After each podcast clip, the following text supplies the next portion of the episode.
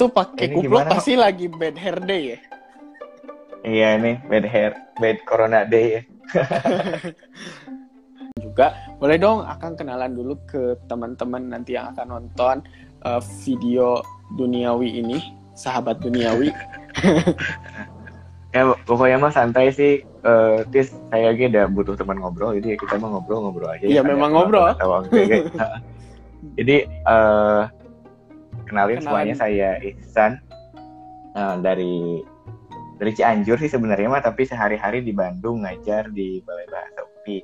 Kenal itu Tis aku waktu dulu di Waisili. Saya tuh Waisili angkatan 2016 ya di Arizona ya. nggak tahu pokoknya akan Iya ya, senior saya 2012 Arizona. Heeh, 2012 Eh, senior apa? Arizona. Hai, kamu 2012. berangkat sama 2016. Dila kan? 2016 Oh iya, mungkin 2016 tapi eh bulan Agustus Septemberan ya? Mah Oktober aku fall Oktober. Apa fall ya? Fall. Aku berarti bul- spring atau spring.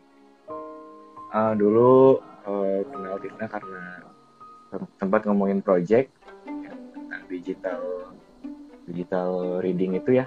Mhm. ketemu di Bandung dan ya sekarang lagi ngajar bahasa Indonesia di Amerika dari beasiswa Fulbright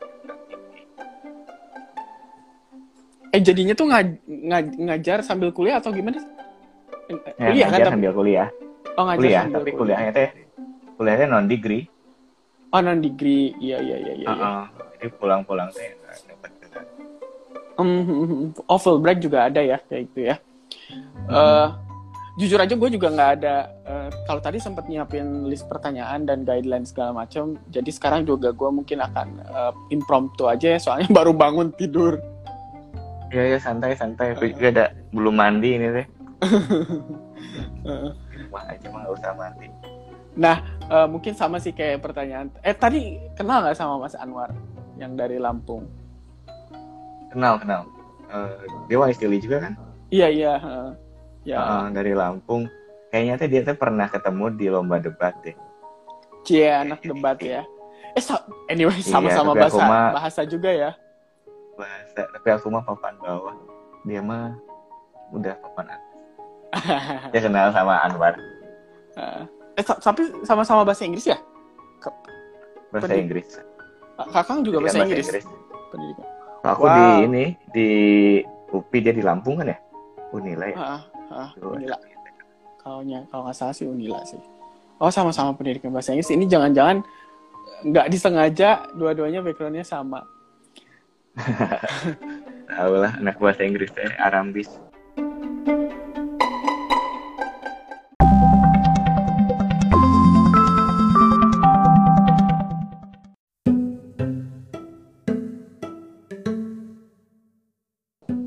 Nah mungkin eh, pertanyaannya sama kayak pas gua tadi nanya ke Mas Anwar juga sih. Pertama adalah why America in the first place? Meskipun eh, sebelumnya pernah ke Amerika, waktu itu Mas Anwar ah udah ke Amerika, pengen ke Amerika lagi, tapi ternyata jadinya ke Australia. Nah kalau Akang eh, why America again in the first place gitu untuk sekarang ini teh?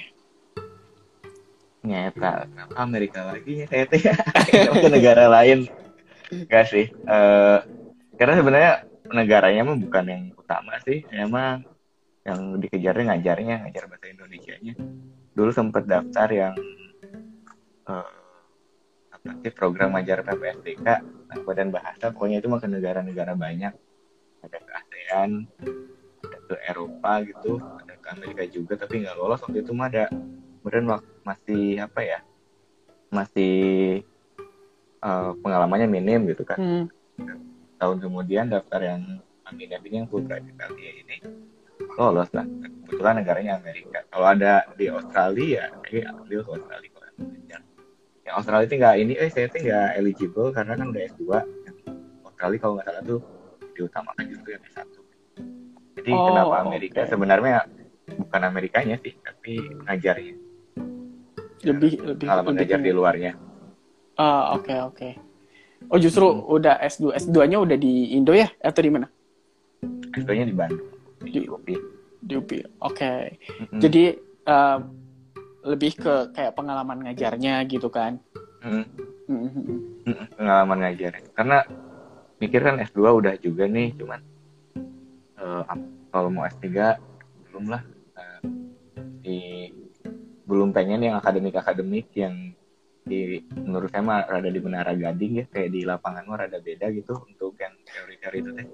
Iya iya iya. Ya, nyari yang ini nyari yang apa, praktikal gitu Pak. yang hmm. turun ke lapangan.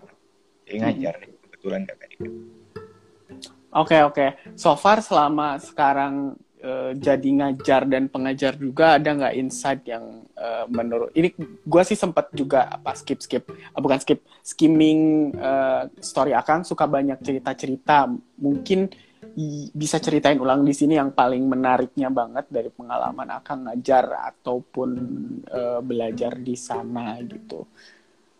Gua hmm, gua juga penasaran sih pembagian. Gue juga penasaran pembagian porsi ngajar dan uh, uh, mengajar dan belajarnya di program ini. Oh, iya. Mungkin nanti ada yang mau ikutan juga. Nama programnya apa?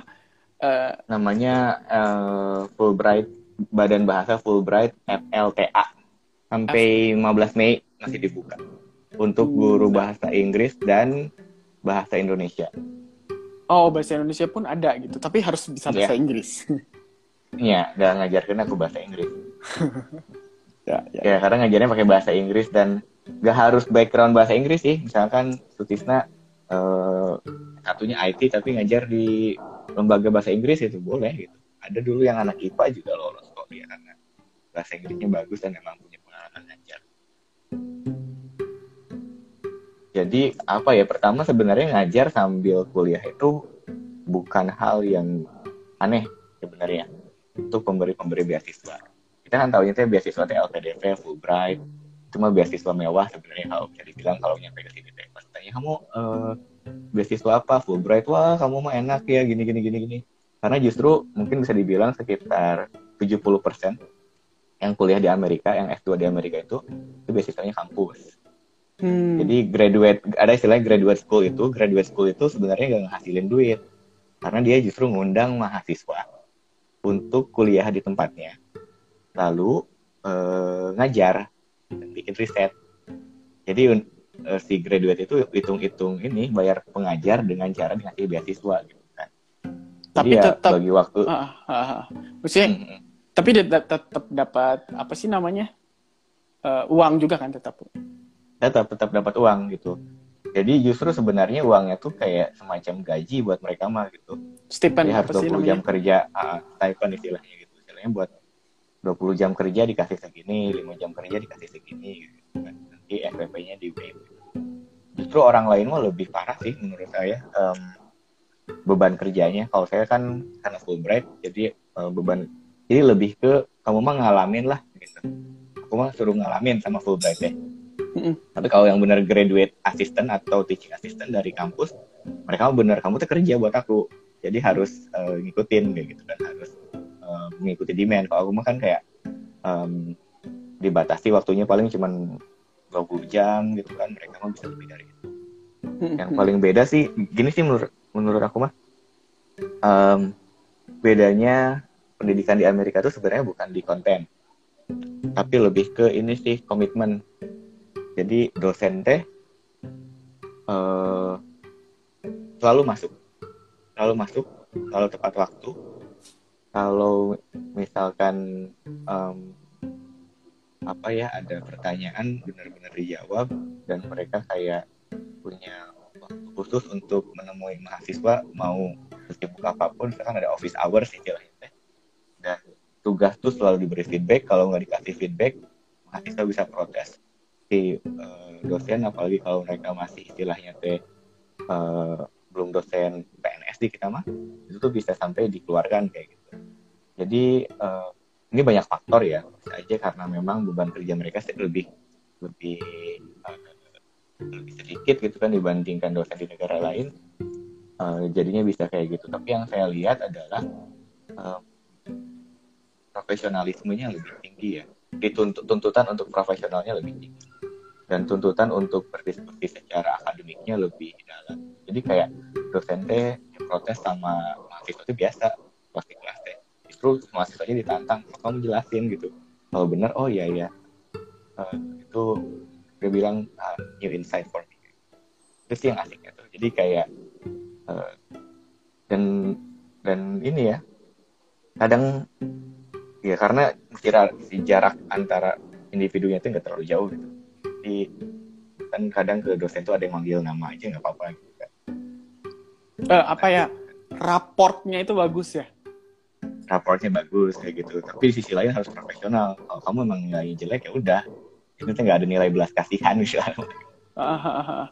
T- Tapi menarik tadi gue yang mau tanyain penasarannya. Tadi sempat disinggung bahwa beban kerjanya lebih sedikit daripada eh, beban kerja dosen di eh, negara lain itu bisa boleh dielaborate nggak di bagian itu? Gue masih penasaran. jadi misalkan em, gini kan tadi ada graduate assistance ya istilahnya tuh nah eh, graduate assistant itu kan yang dikasih yang mahasiswa dikasih beasiswa itu nah itu tuh biasanya suka ngebantuin dosen-dosennya jadi misalkan ada dosen yang em, dia tuh ngajar kelas A gitu dia mau jelasin aja gitu urusan grading urusan Administrasi. administrasi, gitu-gitu. administrasi mah udah aja sama graduate assistant itu gitu kan. Jadi kan dia bisa fokus ngajar dan Kan penelitian pun bagian-bagian yang kecilnya kayak misalkan disuruh coding atau disuruh Ya.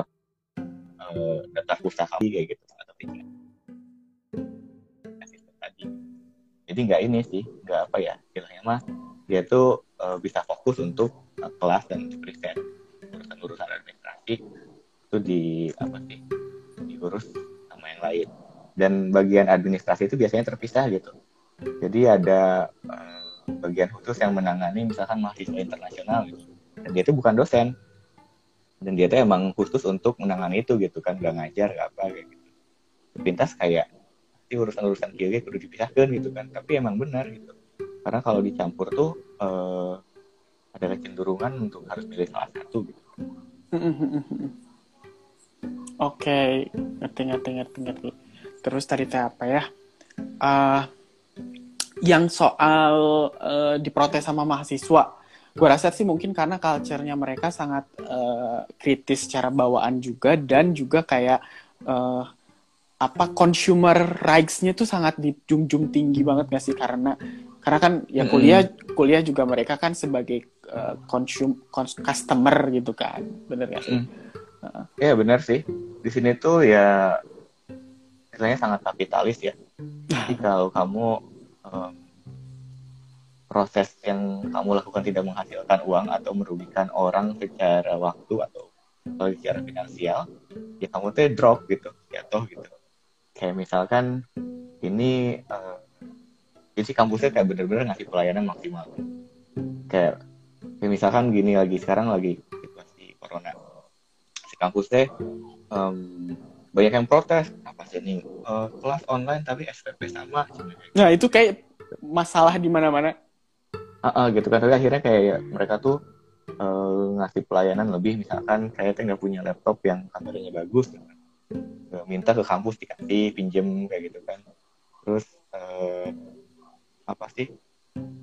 Eh, misalkan mahasiswa nggak punya apa dikasih wifi-nya. Bahkan kayak sampai wifi itu ada pernah disediain juga kayak gitu kan itu kayak ja- jadi jadi justifikasi mereka untuk tetap menaikkan harga gitu untuk tetap harganya normal kayak Ah, ah.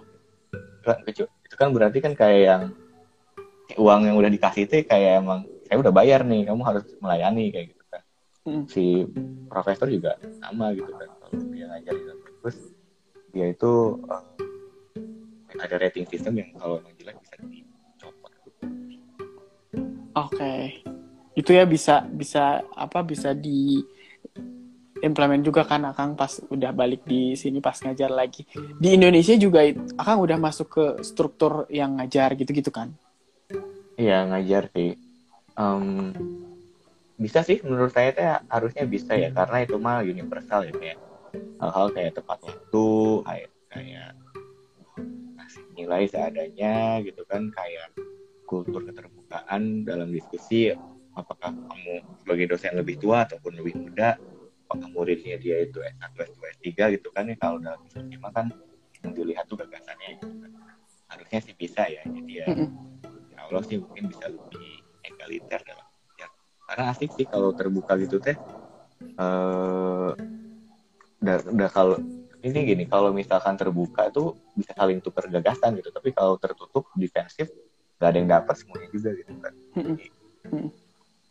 Terus di sini tuh ditekankannya gini ini textbooknya udah ada gitu mau ngapain lagi kalau kamu cuma nyeritain yang ada di textbook teh kamu teh udah gitu ngapain udah orang udah nulis orang udah tahu Eh, bukan kamu yang memberikan hal yang baru gitu kan jadi ya justru diskusi itu yang bikin orang tuh bernilai bikin mahasiswa tuh bernilai gitu pasti yang yang bisa kamu tarik di konteks kamu dari teori ini misalkan Gitu. Mhm, mhm. Ya, menarik, menarik, menarik.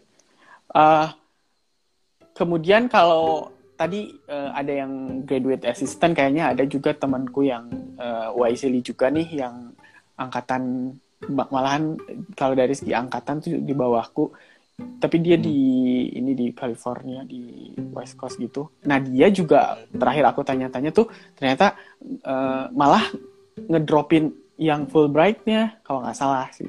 Eh, apa Hmm. LPDP, apa LPDP apa Fulbright at- eh, pada akhirnya dia ngambil juga yang dari kampus.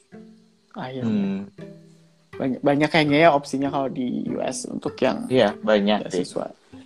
sebenarnya banyak pertimbangan. Kayak misalkan eh, ada teman yang drop LPDP itu bukan karena misalkan uangnya lebih gede atau uangnya lebih dikit gitu ya tapi lebih ke karena eh, ini karena apa sih em, kampusnya nggak masuk daftar LPDP Hmm, dia pengen masuk di satu. kampus itu jadi kan nanti graduate assistant kalau masih mas- masalah uang masalah pendanaan sih macam-macam ya ada yang itu eh, kebijakannya sangat sangat eh, tergantung kampusnya dan tergantung fakultas bahkan ada Hmm. kan antara fakultas pun biayanya beda-beda jadi ya itu banyak opsi sih jadi itu mulai cari juga kalau nggak ada beasiswa LPDP Fulbright yang populer-populer kayak AS Med Belanda ya. Chevening ah Chevening itu beasiswa kampus menurutku lebih terbuka Oke oke oke.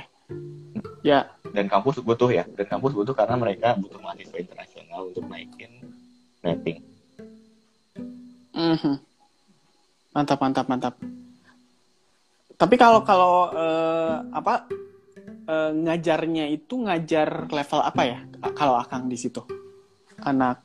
eh, ada macam-macam sih ya kalau di sini dari beginner sampai advance ada dari yang benar-benar nggak tahu bahasa Indonesia sampai yang udah pernah ke Indonesia beberapa kali juga hmm, oh ngaj- ngajarnya bahasa Indonesia ya? Mm, benar. Mm-mm. Kebanyakan bule tapi memang bule bule eh, kebanyakan. Amerika sih ya kebanyakan orang Amerika Oke. Biasanya mungkin bisnis juga kali ya segala macam. Ada yang riset ada yang banyaknya riset sih jadi kayak misalkan mau riset ke Kalimantan ya eh, Butuh basic. eh, Gitu ya. butuh butuh bahasa Indonesia dia belajar Ada yang riset kayak misalkan mau jadi kayak fotografer National Geographic gitu gitu. Mantap, mantap.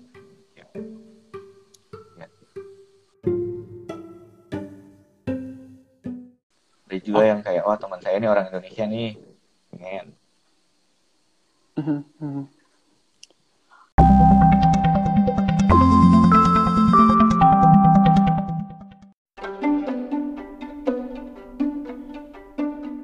Oke, ini kita sambil loncat juga ya Kang ke kondisi di sana yang terkait dengan sekarang quarantine time uh, COVID-19 ini. Gimana di, di, nih di sana? Karena kalau secara uh, Amerika secara umum kan kayaknya kok parah banget gitu ya. Kayak dari segi angka melebihi eh, dari origin country-nya segala macam kayaknya heboh banget gitu dari national scale kalau Hmm. yang dari point of view akang gimana? Ini saya sambil eh, nyolokinnya. Aduh ya ternyata nah, apa? Lobet? Bun boleh am- ambilin laptop nggak? Jadi Oke, apa ya pertama gini em, kalau kita dengar berita Indonesia rata-rata kan dengarnya berita Jakarta Jawa lah Jakarta sentris ya. Kayak uh, pernah dengar nggak uh, berita dari Pring Sewu misalkan teh? Jarang gitu kayaknya. Di Amerika G sama sih sebenarnya mah. Jadi dia tuh masih uh, terfokus ke kota-kota besar kayak New York, LA, uh, Chicago, DC itu kan kota-kota besar yang memang dia tuh pusat bisnis, pusat wisata atau pusat administrasi, pusat pemerintahan gitu. Tapi kota-kota kayak Manhattan, eh, kota yang saya tinggal sekarang di Ohio itu jarang diekspos. Nah, alhamdulillahnya untuk kota tempat saya tinggal itu kasusnya cuma ada tiga sejauh ini. Satu meninggal, dua itu harusnya udah sembuh ya, karena itu tiga itu dari berminggu-minggu lalu kayak gitu. Karena di sini cenderung sepi sih ya, um, dibandingkan New York yang sangat-sangat padat kayak gitu kan. Di New York itu banyak, uh, saya rasa nggak aneh sih, karena kan si uh, kayak misalkan ke apa ya ke Times Square gitu ya hmm. kamu bisa punya jarak 30 cm sama orang tuh udah hebat gitu kan ya. kalau dalam lagi weekend kayak gitu ini boro-boro 30 cm boro-boro satu meter dua meter atau six feet gitu kan untuk social distancing nah kalau di New York tuh ya emang karena kepadatan gitu tapi poinnya adalah um, memang parah di kota-kota yang sering diriput media di kota-kota besar tapi tidak semua bagian Amerika itu parah itu. Ya alhamdulillah di tempat saya mah.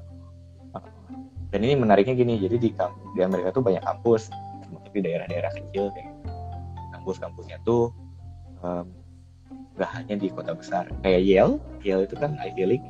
Ah. Ada Yale University itu Ivy League dia meren kalau di kita mah di daerah Sumedang lah kayak gitu sepi oke lebih sepian si Yukon sih yang waktu Abdi ini uh, uh, gitu kan yang bisa lah Kan Yale Yukon, ya Yukon sama Yale tuh Connecticut ya sama ya. Connecticut juga cuman uh, Yale itu lebih agak ke kota dan dia pinggir jalan terus dia lebih deket ya dia lebih deket ke kota.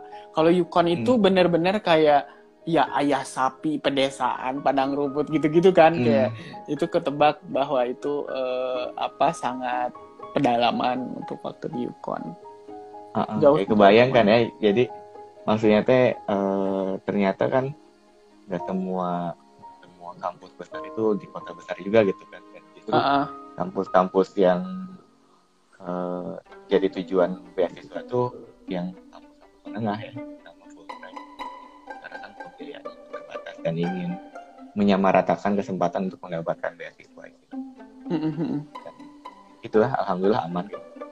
aman ya kalau di tempat akang juga tapi mm-hmm. te- tetap apa maksudnya uh, se, se strict apa kalau di sana akan bisa keluar oh, tuh iya, masih bisa sih.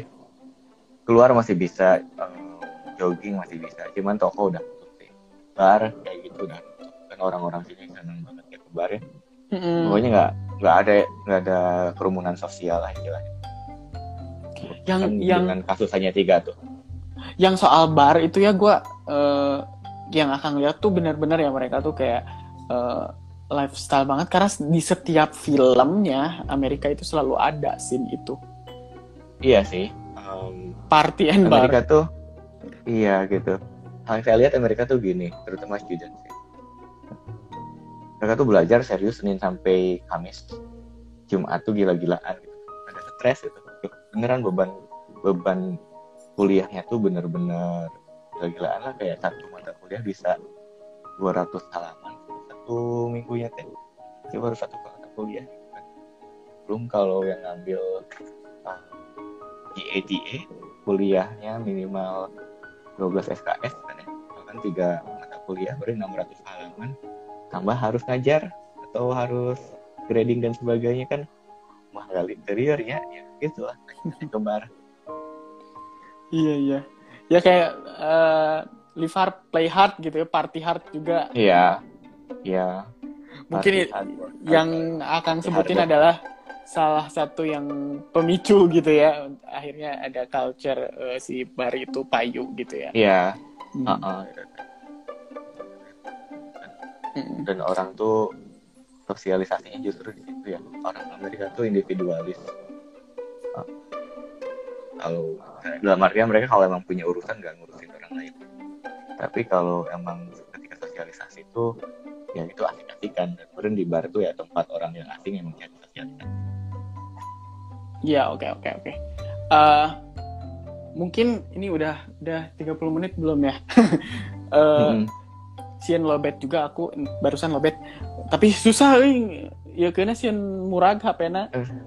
santai, Ngecas kena. Mungkin Akang mau eh, sapa-sapa dulu nih yang udah ikutan di eh, live-nya kita. Ini ada beberapa teman saya, ada beberapa teman Akang juga. Ada eh, tadi ayam geprek udah Anggi Kang Kang Kang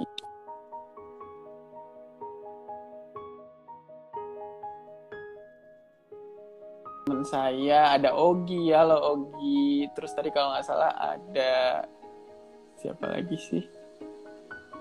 Eh tadi sempat lihat ada ada adik gue juga ada ini Mas Medang mungkin ada beberapa teman akang juga ya di sini ya. Kayaknya beberapa ada yang nggak nggak kenal. Halo semuanya teman terima kasih udah join. Saya mah malu kayak gitu gituan vlog vlog tapi di story lumayan sering ya sharing-sharing. Yang udah di sharing Iya. apa lagi di story? Apa ya saya mau pengen story itu beneran story gitu. Jadi emang kayak cerita yang emang bisa apa didengar gitu. Selain kayak oh saya ganteng saya ganteng saya saya ganteng saya ke Amerika itu terus kayak pengen jadi.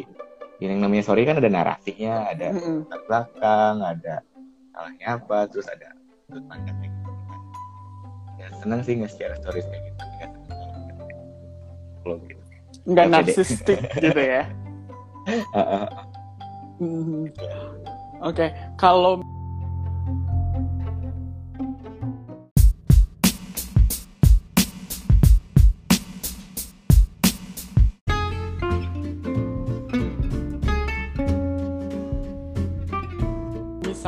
eh, mungkin eh, karena kita udah kayaknya udah nggak berasa udah 30 menit belum sih Mm-mm.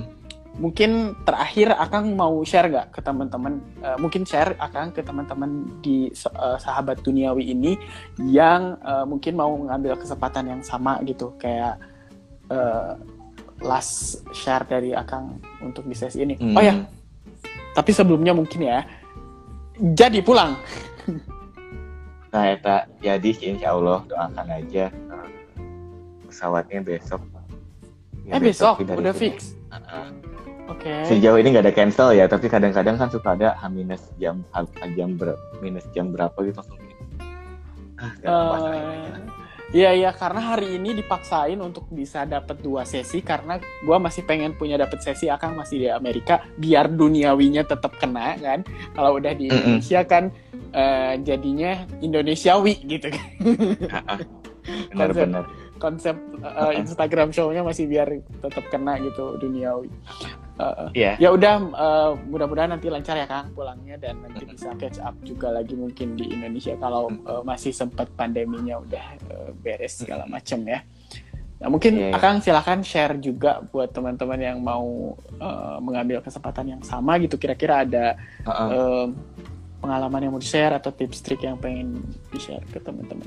Eh, apa ya paling kalau emang nggak terlalu suka sama dunia-dunia yang begitu akademik kalau lebih suka yang praktikal-praktikal sebenarnya katanya ada nah, kebetulan saya Fulbright saya tahu beberapa sih. Saya kan bahasa Indonesia bahasa Inggris yang ngajar ya.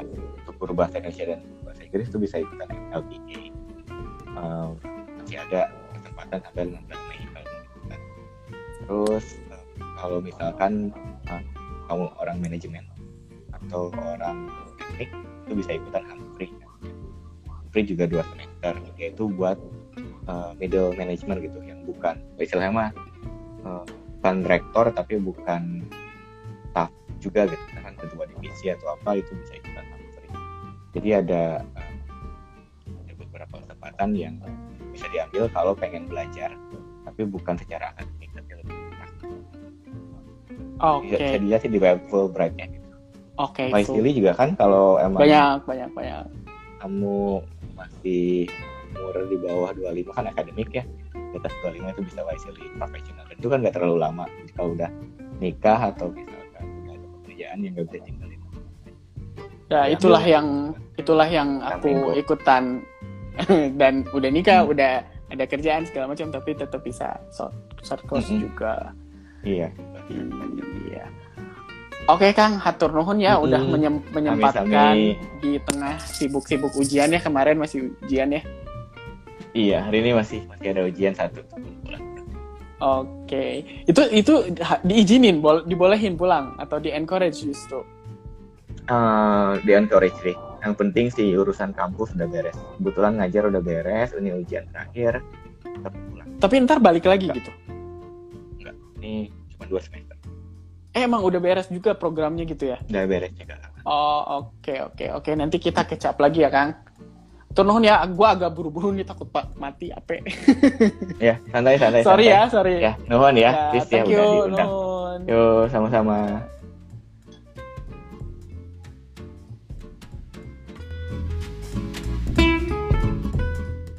Oh, thank you.